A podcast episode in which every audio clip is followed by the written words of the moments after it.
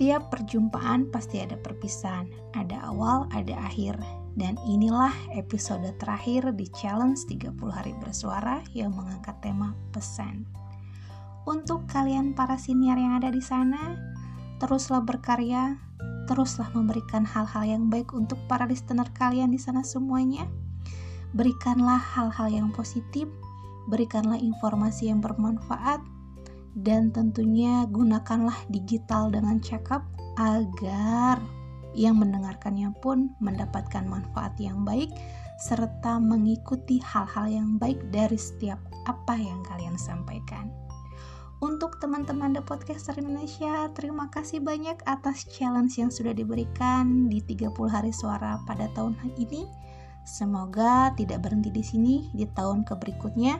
Challenge ini akan ada lagi dengan tantangan yang lebih menarik lagi dengan tema yang wah lagi yang tentunya akan diikuti oleh para senior semuanya yang ada di sana yang tentu ingin menyuarakan hal-hal yang baik selama 30 hari.